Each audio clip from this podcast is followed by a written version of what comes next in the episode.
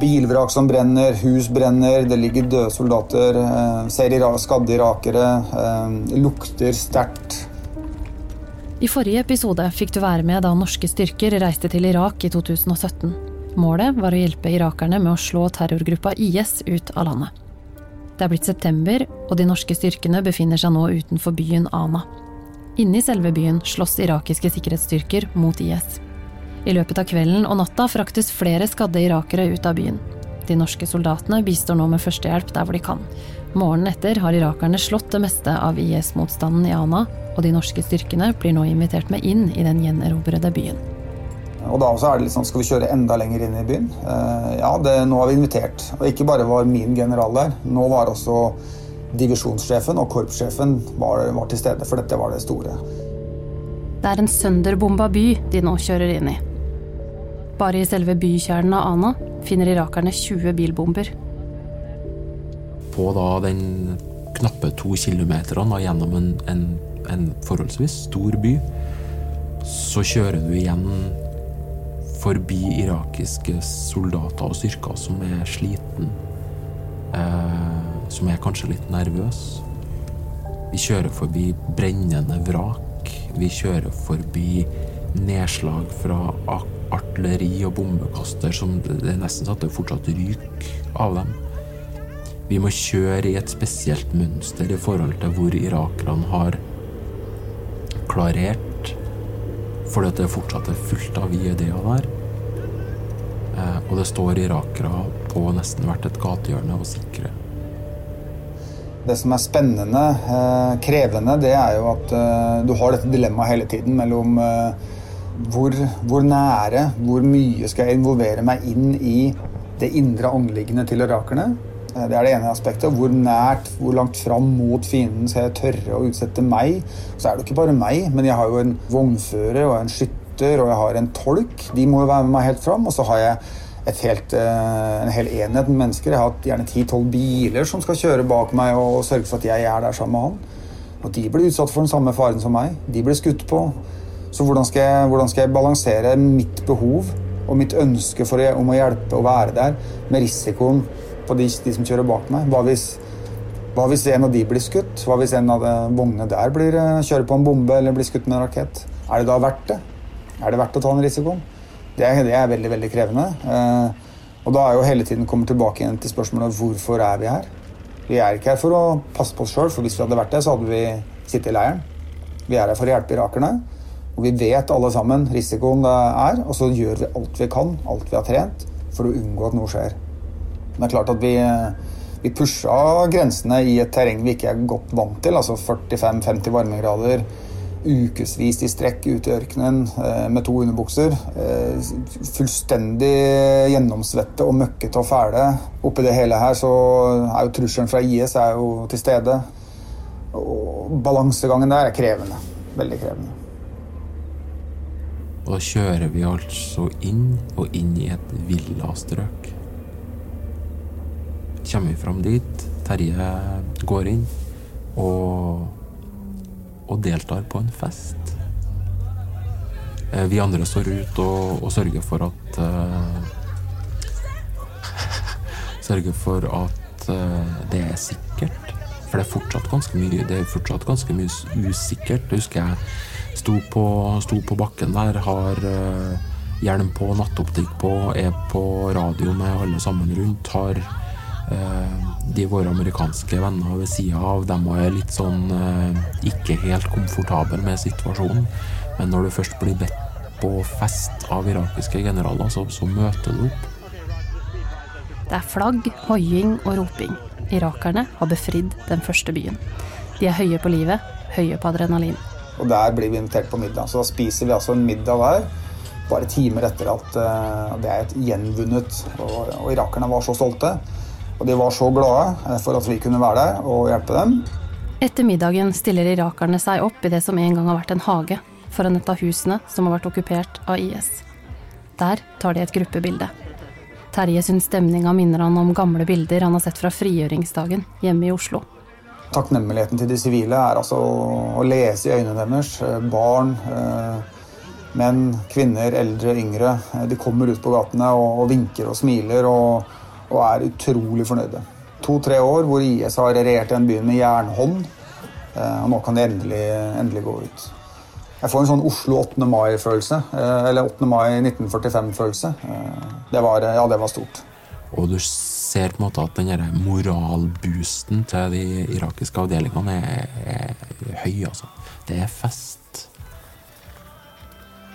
Og da ser du da sola går ned, skumringa kommer, natta kommer, og det skytes i det fjerne. Jeg har sett ganske mye krigsfilmer, altså. Og når man nå i ettertid tar litt steget bort fra seg sjøl, så får man en følelse av at hele scenen var en velregissert Steven Spielberg-scene. Altså, for det er, det er surrealistisk. Dagen etter kommer irakerne med frokost til nordmennene. I dagboka si skriver Odd Einar. I natt har jeg sovet dårlig. Vet ikke hvorfor. Men dårlig og lite søvn er utfordrende. I natt ble det fire timer, og klokken 04.30 kjørte vi ut igjen. Nå står jeg i utkanten av byen Ana sammen med Terje, og vi skal linke opp med brigadesjefen. Skriver mer senere. De dukker plutselig bare opp ute i ørkenen. En familie vandrende ut av ingenting. Camilla og de andre ser dem på skjermene som de har inne i kjøretøyet, det de kaller RVS-en.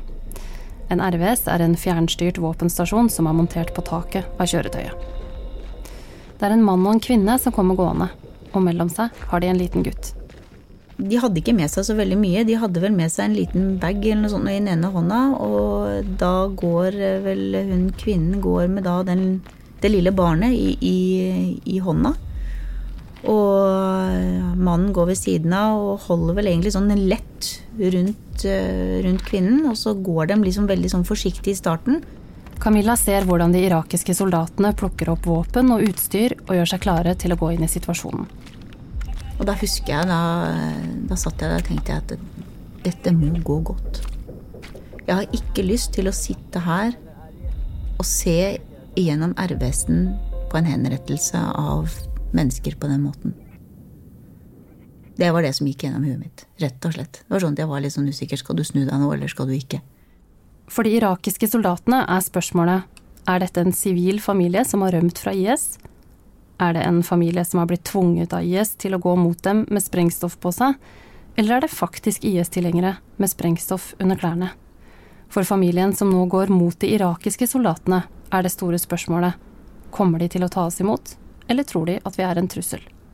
Den følelsen av å sitte og se, eller være på en måte tilskuer på den måten for en kjernefamilie som mest sannsynlig Dette er bare mine antagelser, da, men som mest sannsynligvis har levd i en veldig vanskelig situasjon. Som da rømmer fra sitt hus, sin, sitt hjemsted, ut i ørkenen for å komme bort fra grusomhetene. Og som da har søkt tilflukt. Da har du på en måte løpt fra fienden din, og så skal du prøve å finne plassen din tilbake igjen i det du tror kan være din framtid eller din sikkerhet. da. Og som rett og slett tar guts til seg og ja, tar med seg sakene sine og går fra det ørkenområdet som de da har søkt tilflukt i, og prøver å komme mot oss, da. Det var nervepirrende. Det var helt eh. De irakiske soldatene er nå nesten framme ved familien. Han mannen begynner jo da å kle av seg, så han skjønner jo greia. Selvfølgelig. Han setter den lille, lille barnet opp på skuldrene sine og løfter da sine egne hender opp. Mens da kvinnen går jo fortsatt i heldekkende. Um, og etter en liten stund da, så ender det da opp med at han Han løfter jo da opp uh, klærne hennes også, sånn at hun også blir synlig. da, Sånn at vi ser at det, det er ikke noe, noe rigga der. da. Og eh, sikkerhetsstyrkene, eller de irakiske sikkerhetsstyrkesoldatene går jo fram, og de har jo fortsatt hevet våpen ganske lenge. Inntil de på en måte faktisk kommer i ordentlig forbindelse med hverandre, da. Men familien blir tatt imot av irakerne og ført vekk fra frontlinjen. En ting er jo det å drive og, og forberede seg um, i kontrollerte tilstander. Altså, man kan jo hele tiden eh, øve og øve og øve. Vi, vi sier også 'train as you fight'. Men så kommer du kanskje til det punktet at det går faktisk ikke an å si stans, eller det går ikke an å legge seg ned og bare rope 'medic', for du orker ikke mer. Altså, det, er en, det er en karusell da, som går så fort rundt at du kan ikke hoppe av. da. En av de tingene Camilla grudde seg til før hun reiste til Irak, var å se skadde og sårede. Derfor spurte hun om hun kunne være med på feltsykehuset til kirurgene i hovedleiren før selve operasjonen starta. I og med at det var første gang hun reiste ut, hadde hun lyst til å forberede seg så godt som mulig. Altså, hvordan reagerer kroppen min? Det er ikke nødt til å være gitt at du er redd for, eh, for blod, eller du er redd for å se åpne brudd og sånne ting. Det har jeg vært utsatt for tidligere. Men det er noen ting med at dette er en helt annen type setting. Én eh, ting er det du ser, og så er det det du hører, og så er det det du lukter. Det er veldig mye sånne ting man gjerne tar med seg da, i sånne settinger. og det, det var jeg veldig bevisst, og jeg tenkte veldig mye på at jeg lokka igjen øynene, og så sto jeg der inne og tok dype håndedrag og tenkte hvordan lukter dette her? Er det på en måte greit? Eh, hvordan føles det i min kropp? Kjenner jeg begynner jeg å bli kvalm? Begynner jeg å bli uggen? Så vet du liksom ikke åssen det er før du har vært der. Og så er spørsmålet tar du det med deg i ryggsekken, og er det med deg som en erfaring resten av livet? Eller er det noe som er med deg og plager deg resten av livet? Det vet du nødvendigvis ikke før du har vært der. We talked for hours trying to figure it out. Running out of things to say. Når det røyner på, hender det Camilla synger for de andre soldatene.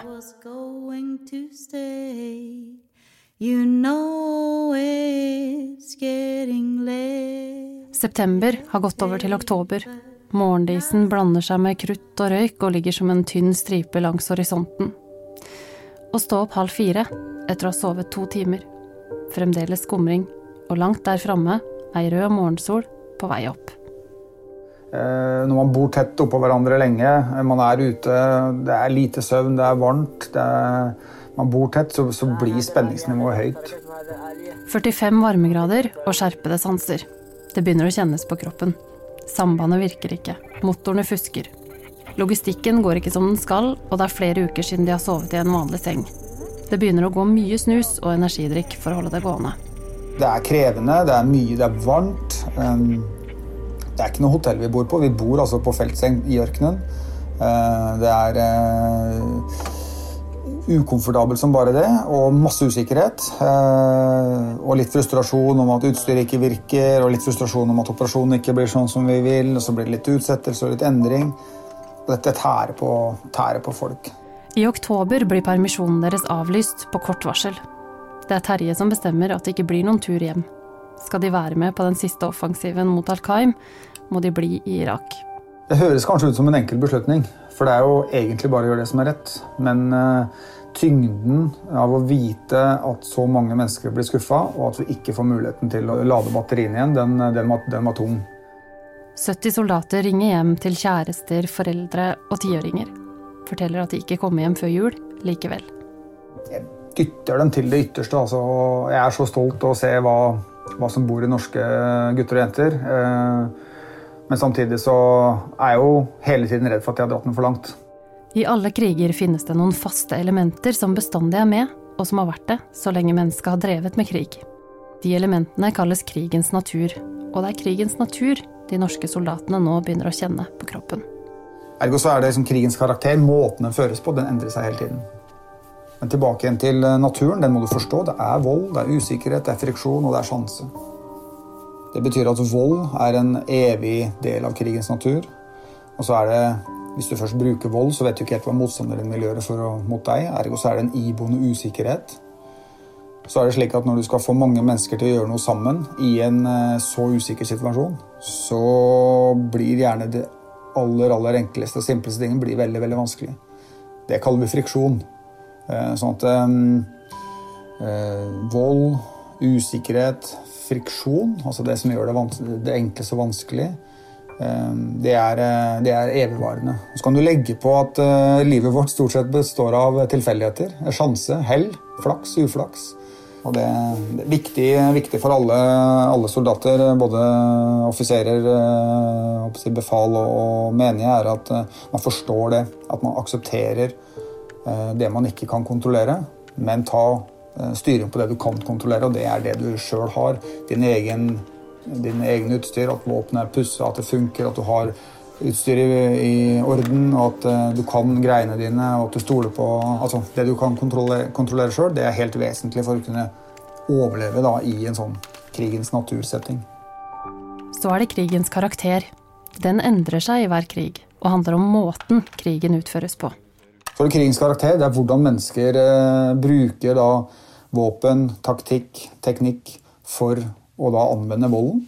Fordi at vi er utstyrt med fri vilje og kreativitet, så prøver vi alltid å tilpasse våre metoder og vårt utstyr til å overliste en fiende. Men han gjør det samme med oss. F.eks. i Irak så begynte IS å bruke pansra biler. Ja, da, måtte irakerne, da begynte de å grave grøfter. Uansett hvor de var, så gravde de grøfter for å unngå at de pansrede bilen kom. Det har vi ikke lest om noe sted, at eh, kampen mellom panserbiler og gravemaskiner skulle være en vesentlig del av krigen. Men ergo så er det liksom krigens karakter, måten den føres på, den endrer seg hele tiden. Alle disse tingene vet Terje idet han tar beslutningen om å kansellere turen hjem. Jeg kjenner på meg sjøl at jeg er sliten, jeg kjenner på meg selv at jeg er frustrert og at jeg smeller. og er, ja, Kommentarene begynner å bli ufine, og lederskapet blir dårligere. Eh, alle trenger hvile, og jeg ser at stemninga rundt meg begynner å bli dårligere. Eh, samtidig så er det også å fokusere på oppgaven, og det gjør oss at vi, at vi kommer gjennom det, gjennom det bra. We've been through this before. I don't wanna have to say goodbye. Psykologene i stressmestringsteamet, de som har fulgt Telemark bataljon gjennom 15 år, til både Afghanistan og Irak tidligere, har aldri før målt så høyt stressnivå hos soldatene. Men de har heller ikke målt høyere grad av meningsfullhet. Ja, det er litt ære, eh, faktisk, å ikke feile, ikke svikte. Um, være profesjonell. Dette er jobben min, og jeg ønsker å være god i jobben min. Og det å få lov til å være god i jobben min, det, da må jeg ta så gode beslutninger jeg kan, selv om jeg er sliten og svett, våt, kald, sulten. Det er ikke alltid så lett, men eh, det er det som driver oss. Det er viljen til å gjøre rett. Viljen til å utgjøre en forskjell. Og det driver meg ennå.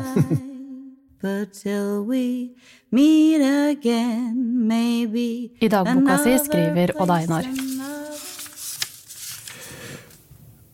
Ja, det glemte jeg å skrive. I dag har jeg vasket klær. Begynner å lukte såpass svette etter tre dager så jeg tok frem vaskepulveret og vaskevannsfatet jeg har med, og vasket skjorten min. Jeg skal si deg at vannet var brunt etterpå. Skjorten hang bare ca 30 minutter i solen, og da var den ren nok til å ta på seg. Det var herlig å ta på seg en skjorte det ikke luktet så sykt svette av. Fantastisk. another place, another time. I don't know when, but I'll think of Nå sitter jeg og ser på to av bildene som jeg fikk av deg. Det ene er av Ola i båten, og det andre er av oss alle i Lilleputthammer. But I'll think of you till then till we meet again. Hvis du ser for deg et kart, er nordmennene nå en del av en stor styrke som presser på IS fra tre ulike retninger. En del av koalisjonen presser på fra nord, en fra øst og en fra sør i det man kan kalle en klassisk knipetangmanøver inn mot byen Al-Qaim. Nordmennene er en del av den styrken som presser på fra sørvest. Odd Einar, Camilla, Terje og de andre nordmennene følger etter sin irakiske styrke gjennom ørkenen langs en vei de kaller T1-aksen. Her ligger en gammel oljerørledning og en nedlagt fosfatfabrikk. Langs veien finner de hjemmelagede mattebøker, trolig IS sine. De enkle regnestykkene har tegninger ved siden av seg, og da kan du telle deg fram til rett svar i antall bomber og kniver. Irakerne og nordmennene passerer også en forlatt togstasjon. Et og annet tog står fortsatt på noen av spora. Noen vindusruter er knust, men foreløpig er det ganske stille. Nesten litt uhyggelig stille, syns Odd Einar, som nå begynner å merke at alt bygger seg opp mot det store og siste slaget i byen Al-Qaim. Men veien er i særdeles dårlig forfatning. Den noe klaustrofobiske følelser inni kjøretøyet blir egentlig kanskje bare forsterka med et ubehag gjennom å riste når du kjører, og et ønske om å stoppe oftere og oftere for å kunne strekke på, strekke på beina, men det privilegiet har man ikke, ikke alltid. Så kommer det irakerne kaller den verste sandstormen på 60 år.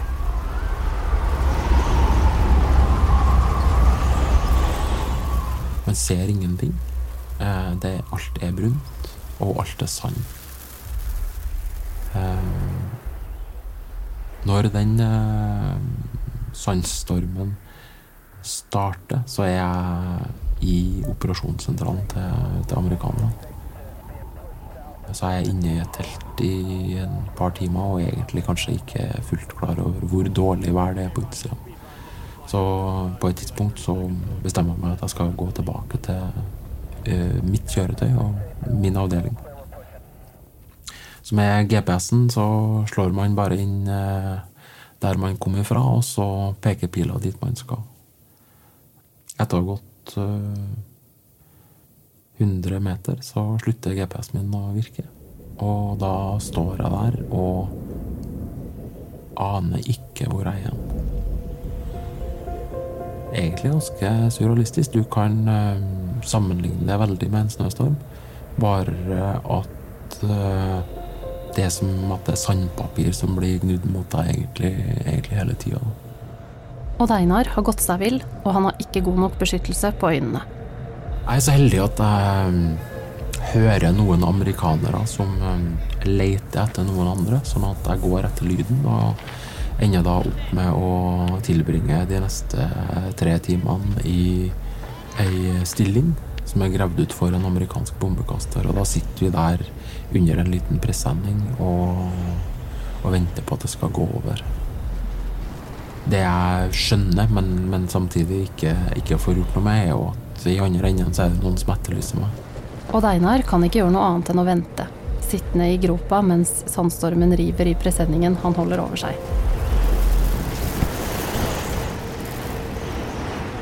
Noen dager tidligere fant de svarte hårrester i dette området. Det ser ut som avklippet skjegg. Irakerne mener det er IS-tilhengere som har mistet motet og flyktet. På veien passerer de også flere døde IS-soldater. På noen av likene ligger det avskjedsbrev. Jeg husker at eh, Jeg husker at det vi sa på kjøretøyet vårt når vi for forbi, var alle sammen måtte være bevisst hva, hva det var, og hvor det var. Eh, men at man trengte ikke å se på det hvis man ikke måtte. Eller eh, altså Anbefalinga var å fokusere på noe annet. Så lenge de her var bekrefta drept, ikke utgjør noe trussel for oss, eh, så, så, så trengte vi egentlig ikke å Vi trengte egentlig ikke å, å gi oss sjøl mer sanseinntrykk enn hva vi egentlig måtte. Det var, det var nok av inntrykk uansett. Um, så vi snakka oss gjennom det å ha et bevisst forhold til hva man, hva man utsetter seg sjøl for. Noen måtte ha kontroll i den sektoren der, ergo man, man måtte se det, som, se det som lå der. Men for oss andre så var det, var det en jobb å, å, å komme oss, komme oss videre. En måned i forveien, kvelden før soldatene rulla ut av hovedleiren, skrev feltpresten en bønn til de norske soldatene. En av setningene går slik. La oss aldri dra ut i striden fordi vi hater det som ligger foran oss, men fordi vi elsker det som ligger bak oss. Og hva du tenker om motstanderen din, har mye å si. Terje mener man bør ha minst mulig følelser knytta til motstanderen. Du skal ikke dehumanisere motstanderen, men heller ikke la deg rive med av følelser. Så Hele verden er jo blitt sjokkerte, og det har jo vært en del av eh, strategien til IS. Å skape frykt mellom å være altså, superbrutale jeg kan ikke annet enn å forstå at det er ondskap, ren ondskap jeg er vitne til. Samtidig så tenker jeg at det er ingen mennesker som prøver å være onde. Så de jobber vel mot noe de tror på på andre siden. Eh, så istedenfor å da bli, la meg rive med og bli eh, emosjonelt utfordra av, av, den grusomheten som de viser, så får jeg heller være profesjonell og håndtere jobben min. Vi skal leve med det vi gjør. Og det gjør vi best med å være profesjonelle og så, ja, kanskje feil begrep, men litt kyniske i forhold til at uh, dette er en jobb. Dette er uh, uh, ja. Hvis vi lar oss lede av følelsene våre, og vi gjør grusomme handlinger, eller vi bruker mer makt eller mer vold enn nødvendig, så må vi også leve med det. Og da blir jo ikke vi et spøtt bedre enn det motstanderen vår er. Det betyr ikke at vi ikke kan ta liv eller ikke kan være mm, voldsomme. Vi skal gjøre det innenfor de reglene vi har. Og vi skal være siviliserte mest av alt for å bevare vår egen mentale helse seinere. Fordi at vi, vi, representerer faktisk landet vårt og befolkninga. Da skal vi oppføre oss ordentlig. Og så er det et annet aspekt ved motstanderen. Vi har en tendens til å tenke at fienden er godt forberedt. Han er godt informert, han vet når vi kommer. Han har spist, han har fått uh, riktige ordrer, lederskapet er der, uh, han er trygg. Mens vi som angriper uh, vi vet for lite. Vi skulle gjerne hatt enda litt mer etterretninger. Vi skulle gjerne hatt litt mer sikring. vi skulle gjerne hatt litt mer... Så vi tror gjerne ofte at vi er mindre eh, kapable enn det motstanderen er. Mens virkeligheten viser seg at motstanderen han vet ikke hva som skjer. Motstanderen vet jo ikke at vi kommer. Lederne hans eh, i tilfelle, IS sine ledere har stikket av. Gitt noen vage føringer. Eh, de har ikke hatt mat siste måneden. Eh, ikke får de sove på natta fordi vi har bomba dem. eller koalisjonen har bomba dem.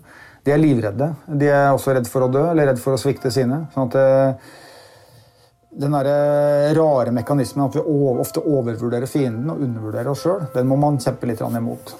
Tilbake under presenningen letter sandstormen såpass at Odd Einar finner veien tilbake til teltet han kom fra, og får gitt beskjed om hvor han er over samband. Det er fortsatt mye sand i lufta, og Odd Einar har fått en rift på øyet og må sendes noen dager tilbake til sykestua. Han rekker likevel akkurat tilbake for å være med på det stedet hvor de antar at det virkelig vil dra seg til, Al-Qaim.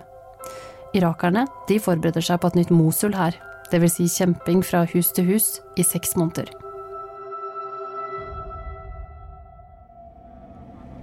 Det er blitt november 2017 når irakiske sikkerhetsstyrker, koalisjonsstyrkene og nordmennene er framme ved Al-Qaim. Det er en by som ligger helt mot grensen til Syria og deles i to av elva Eufrat. Jeg, jeg tror uh, første vi er nødt til å prøve å forstå, tror jeg er størrelser. Én ting er størrelser på området og størrelser på byen. Men for oss så er det kanskje størrelser på de militære styrkene er litt sånn uh, historisk. Det kommer flere avdelinger til bl.a. en panserdivisjon med stridsvogner og en spesialenhet som er trent til å slåss i byer. De som er vant til å lese omgivelsene rundt seg med et militært blikk, ser nå at alt logistikk, våpen, soldater, avdelinger alt rigges til det som skal skje i Al-Qaim. Vi har lest oss godt opp, og vi har erfart godt at det kommer til å bli blodig. Eh, det kommer til å bli kjemping fra hus til hus, eh, etasje til etasje, gate til gate, tak til tak. Og vi forbereder oss på en, eh, på en lang på en lang kamp. Jernneven i det irakiske angrepet er en avdeling som heter 9. panserdivisjon. Det er den irakiske avdelinga med kanskje mest kamperfaring. De har kjempa både i Mosul, Talafar og Hawija. Den avdelingen skal de norske styrkene nå rådgi. Og igjen må Terje forsøke å skape tillit hos og bli kjent med en ny irakisk general. Det første han sier når jeg kommer, er at uh, hyggelig å hilse på deg, men jeg trenger ingen rådgivere. Dette klarer jeg selv. Den irakiske generalen Terje nå møter, har vært sjef for 9. panserdivisjon i ti år. Irakeren har bart, skinnjakke og Ray-Bans. Han drikker energidrikk, snakker litt engelsk og er ganske trygg på seg selv. Jeg, ja, jeg, jeg, vi skal være her eh, og støtte deg med, med, det vi kan og gi gode råd. Ja, takk, men eh, det trenger jeg ikke. Og etter litt samtale så tenker jeg at shit, vi må jo vi må sørge for at vi klarer å bli med på dette her. Så jeg sier det at eh, ja, skal, jeg følger deg jeg følger deg eh, gjennom eh, kampen. Ja, Så sier han ja, mener du på bakken? Ja, hvis, der hvor du kjører, så følger jeg etter. ja, da ville han ha hjelp, hvis det var sånn. Men det hadde han ikke vært borte før, at det var noen som kunne følge han liksom, i, i kamp. Og da, da, snudde tonen helt, og så ble vi ønska velkommen. Ble tatt veldig godt imot. Han hadde nok rett i det, han trengte nok ikke noen råd. Men han, eh, vi hjalp ham med Han fikk litt kart av oss. Eh, vi lærte bort noen teknikker, hvordan vi kunne kontrollere ild og styrker. og han tok imot og distribuerte og brukte noen av de teknikkene som vi snakka om og lærte bort. Terje og Odd Einar, som begge har 20 års erfaring fra Forsvaret, opplever nå ting de bare har lest om og tørrtrent på. Og nå skjer det mye samtidig. Det strømmer soldater inn i byen, det kjøres stridsvogner, og det skytes med artilleri. I forkant har deler av byen blitt bomba fra lufta. Det brenner i hus og bilvrak. Noen steder går det av bilbomber. Og der de norske styrkene står, på den sørøstlige siden av elva ser de søyler av ild, og de kjenner ristinga i bakken. En litt sånn um, merkelig opplevelse, for det er uh, utrolig mye ødeleggelse og mye vold eh, som kommer ut fra de våpna som, uh, som, de bruker. Og ikke minst fra, fra IS. så det er litt sånn nesten som å være på film og se, se alt som skjer. Men da er det litt sånn tilbake igjen til å ta kontroll på det man kan ta kontroll på. Det er å sørge for at man er sikker der man er. Eh, at man har dekning og sikring, og at man har samband, og at man har, er innenfor rekkevidde på evakuering. Eh, at man har de tingene man trenger.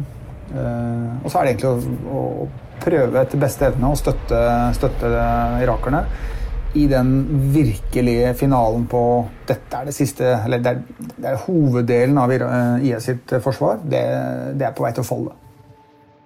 I Al-Qaim kommer de norske styrkene tett på en av elementene fra krigens natur. En bestanddel som finnes i alle kriger vold. Det vanskelige med krig er jo at uh, vi lærer jo fra vi er små uh, å ta avstand fra vold. Vi skal løse konflikter uh, sivilisert, vi skal snakke om det, vi skal behandle hverandre med respekt, og alle har, alle har rett. Og, vold er en uting. Ikke, ikke, altså, vi slår ikke barna våre, vi bruker ikke makt i konflikthåndtering gjennom skolen. Vi gjør det ikke på arbeidslivet, gjør det ikke i offentligheten. Vi er et sivilisert samfunn hvor folk er snille med hverandre. Også når du lever i det, så tror du at sånn er det. Men i krigsherjede områder møter de en helt annen virkelighet. Men så kommer du til en situasjon hvor noen mennesker har tenkt å bruke vold mot meg eller mine for å påtvinge oss en, eh, et mål som de har. Så må vi faktisk stå opp og bruke vold tilbake for å forsvare oss. Hvis ikke så dør vi, og så vinner de. Og den, eh, den situasjonen her er altså helt fundamentalt forskjellig fra det som er dagliglivet i Norge hvor knapt nok noen har eh, knapt nok, De fleste har ikke fått en klaps på kinnet. De fleste har ikke blitt dytta i skulderen, og langt færre har, eh, har opplevd å bli skutt på eller, eller trua. Derfor er det kontekstuelt sett vanskelig å forklare. Men i krig så er det altså det er vold. Eh, og den volden den, den vet du ikke helt hvor langt hvor, hvor, langt den går, for det er ikke mulig å kontrollere den. Hvis først én part begynner å skyte på den andre, så skyter den andre parten på den første. Og så eskalerer det, så bruker kanskje den ene parten enda større våpen, enda flere styrker, så må den andre parten, og så eskalerer den volden. Det er derfor man skal være ekstremt restriktiv med å bruke vold. Eh, fordi at man vet ikke hvor det ender.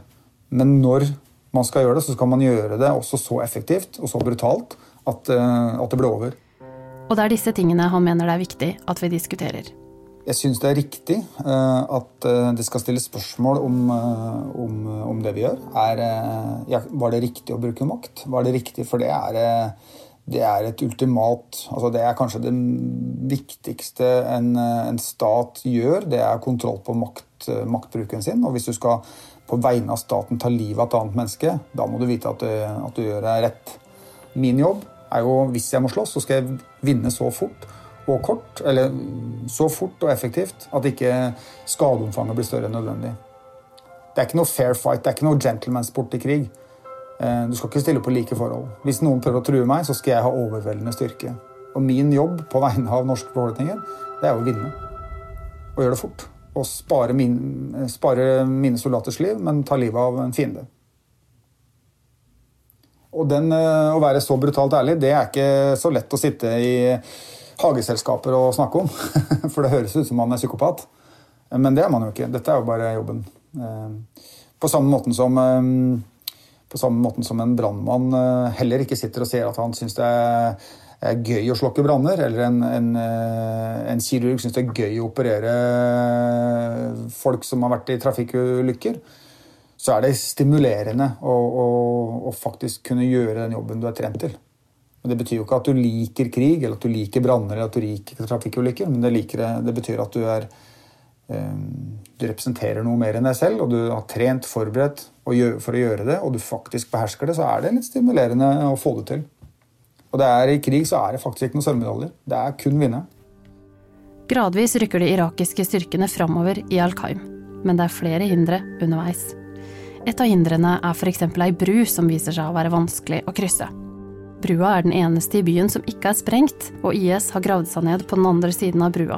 De har lagt et minefelt rundt den, og de har gravd et stort hull i forlengelsen av brua, sånn at det skal bli vanskeligere å komme til med tunge kjøretøy. De har også bilbomber stående gjemt. Da innså jeg det at um, her, her, Terje, her kan du faktisk bidra med noe. For det, i enden av skytefeltet på Arena så har vi en bro som minner meg litt om den broa der. Og den, den eh, har vi trent så mange ganger på å krysse at er det noe vi kan, så er det akkurat det her. Nordmennene gir irakerne noen råd om hva det vil være lurt å gjøre, og klokka seks neste morgen starter irakerne å krysse brua. Det er mye ild, og en selvmordsbomber i bil går av 400 meter unna. Men dette har de lagt inn i planen, og i løpet av formiddagen og ettermiddagen får de flere hundre kjøretøy over brua. Oransje og svarte skyer velter opp rundt dem. Og Da rakner IS, og enten så blir de drept bekjempa, eller så trekker de seg bort. For da, det, da går det ikke mange timer før hele nordsiden også er eh, under irakisk kontroll. Al-Qaim blir tatt på seks dager. Og nå begynner en annen vei. Veien tilbake.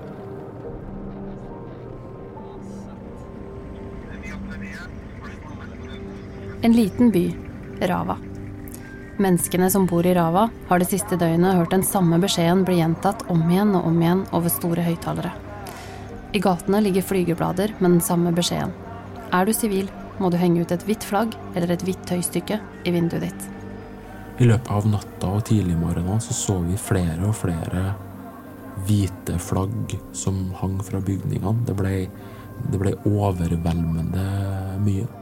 Fra høyden utenfor byen ser nordmennene hvordan det i vindu etter vindu henges opp hvite laken. Og mot natta så ser nesten hele byen hvit ut. På lik linje som om at eh, det norske forsvaret er til for den norske befolkninga, så er jo det irakiske forsvaret til for den irakiske befolkninga. Byen som sådan har ingen strategisk militær verdi. Verdien i byen ligger jo i dem som bor der. Selv om det er kulturelle forskjeller, så er det godt å se at det grunnleggende menneskeverdet da, er likt uansett om du er norsk eller iraker. Viktigheten av å beskytte eh, er like stor uansett hvor du kommer ifra. Da. Det er 17. november og en natt med massiv artilleribeskytning. Denne natta tenker Odd Einar mye på sin egen familie. Det kunne ha vært min kone, det kunne ha vært mine barn som sitter i et hus der, som har levd under eh, under eh, potensielt umenneskelig press de siste årene, som nå vet at irakiske sikkerhetsstyrker kommer og som vet at de bombene de hører og de ser, og de eksplosjonene de hører og de ser, er irakiske sikkerhetsstyrker som, som forbekjemper. Jeg husker at jeg reflekterte på det i løpet av natta, med hva ville det ha gjort med meg? Hva ville det ha gjort med mine?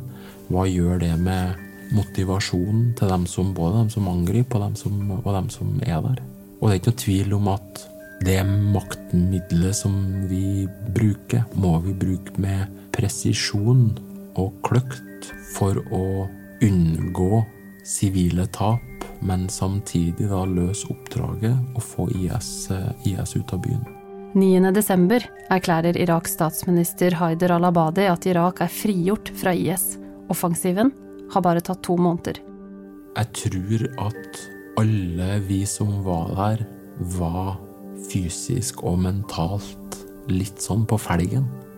Fordi at det har gjort mye på kort tid, og det har vært mye usikkerhet. Men jeg tror at det å ha en følelse av at det er meningsfullt, tror jeg, tror jeg gjør at alle sammen er enige om at det var noe historisk, det var noe bra, det var noe som var verdt å bidra til. Da. Og samtidig, når man også ser irakernes evne til å forsøke å gjenintegrere lokalbefolkninga etter hvert som om at hus, bydeler og byer blir befridd, og de kan flytte tilbake eller leve normalt, så oppleves det som historisk. da. Gjør det. Husker du Ana? Den første byen nordmennene kom til, der hvor Terje tok gruppebilde med de irakiske generalene. Nå kjører de gjennom den byen på nytt, to måneder seinere. De som vi traff der ute, det var ingen andre der ute med et kamera. Jeg så ingen andre dokumentere eller frilansjournalister eller noe som helst da, i fronten i det området som vi var i. Så forhåpentligvis, eller det er vel mest sannsynligvis bildene og dokumentasjonen min unik for det som skjedde der. Og så håper jeg også at det skal gi en forståelse til, til våre beslutningstagere hjemme i Norge. At de faktisk får se de bildene fra fremste linje. At de også kan skjønne hva det er det er å være soldat.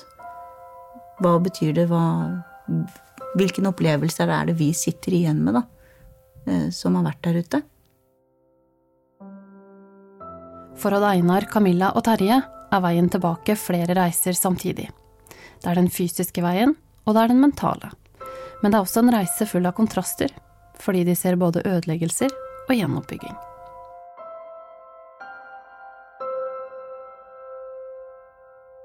Ja, veien tilbake er vår kjøretur fra frontlinja og inn til leiren. Men veien tilbake er òg beskrivende for det arbeidet som, som, gjøres for å normalisere situasjonen for irakerne i området. Rundt seg ser Odd Einar vegger som er knust og gjort om til små tunneler, slik at man raskt kan bevege seg mellom husa. Han ser bilvrak og ruiner. Utenfor byen venter familier som ønsker å flytte tilbake til husene sine.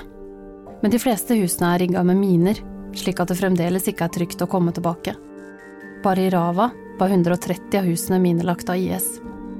Odd Einar ser ødeleggelsen og ettervirkninger av det han selv kaller menneskers råskap. Men det han legger merke til, det som blinker seg ut, er en liten søppelbil. Midt i ruinene kjører den rundt. Den stopper, henter søppel og kjører videre. Små spor av hverdag, det er det som blinker seg ut.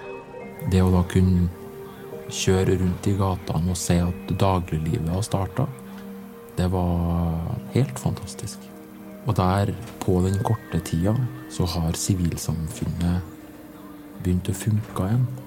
Selv om byene fortsatt er krigsherja, så er den røyken som var sist jeg var her, har lagt seg, og den er overtatt av mennesker med daglige gjøremål. Men han ser også noe annet som han blir glad for. Jeg husker spesielt når vi kjørte gjennom byen, og da kommer det unger springende mot oss. Og viser V-tegnet, viser tommel opp, og som smiler, og som har det artig. Eh, og det er kanskje et av de inntrykkene som, som satt sterkest. At neste generasjon, eller at, at ungene har fått lov til å få litt glede i hverdagen sin. At situasjonen tillater at de gjør det, og at de da viser den gleden overfor oss, er jo helt, eh, er jo helt magisk.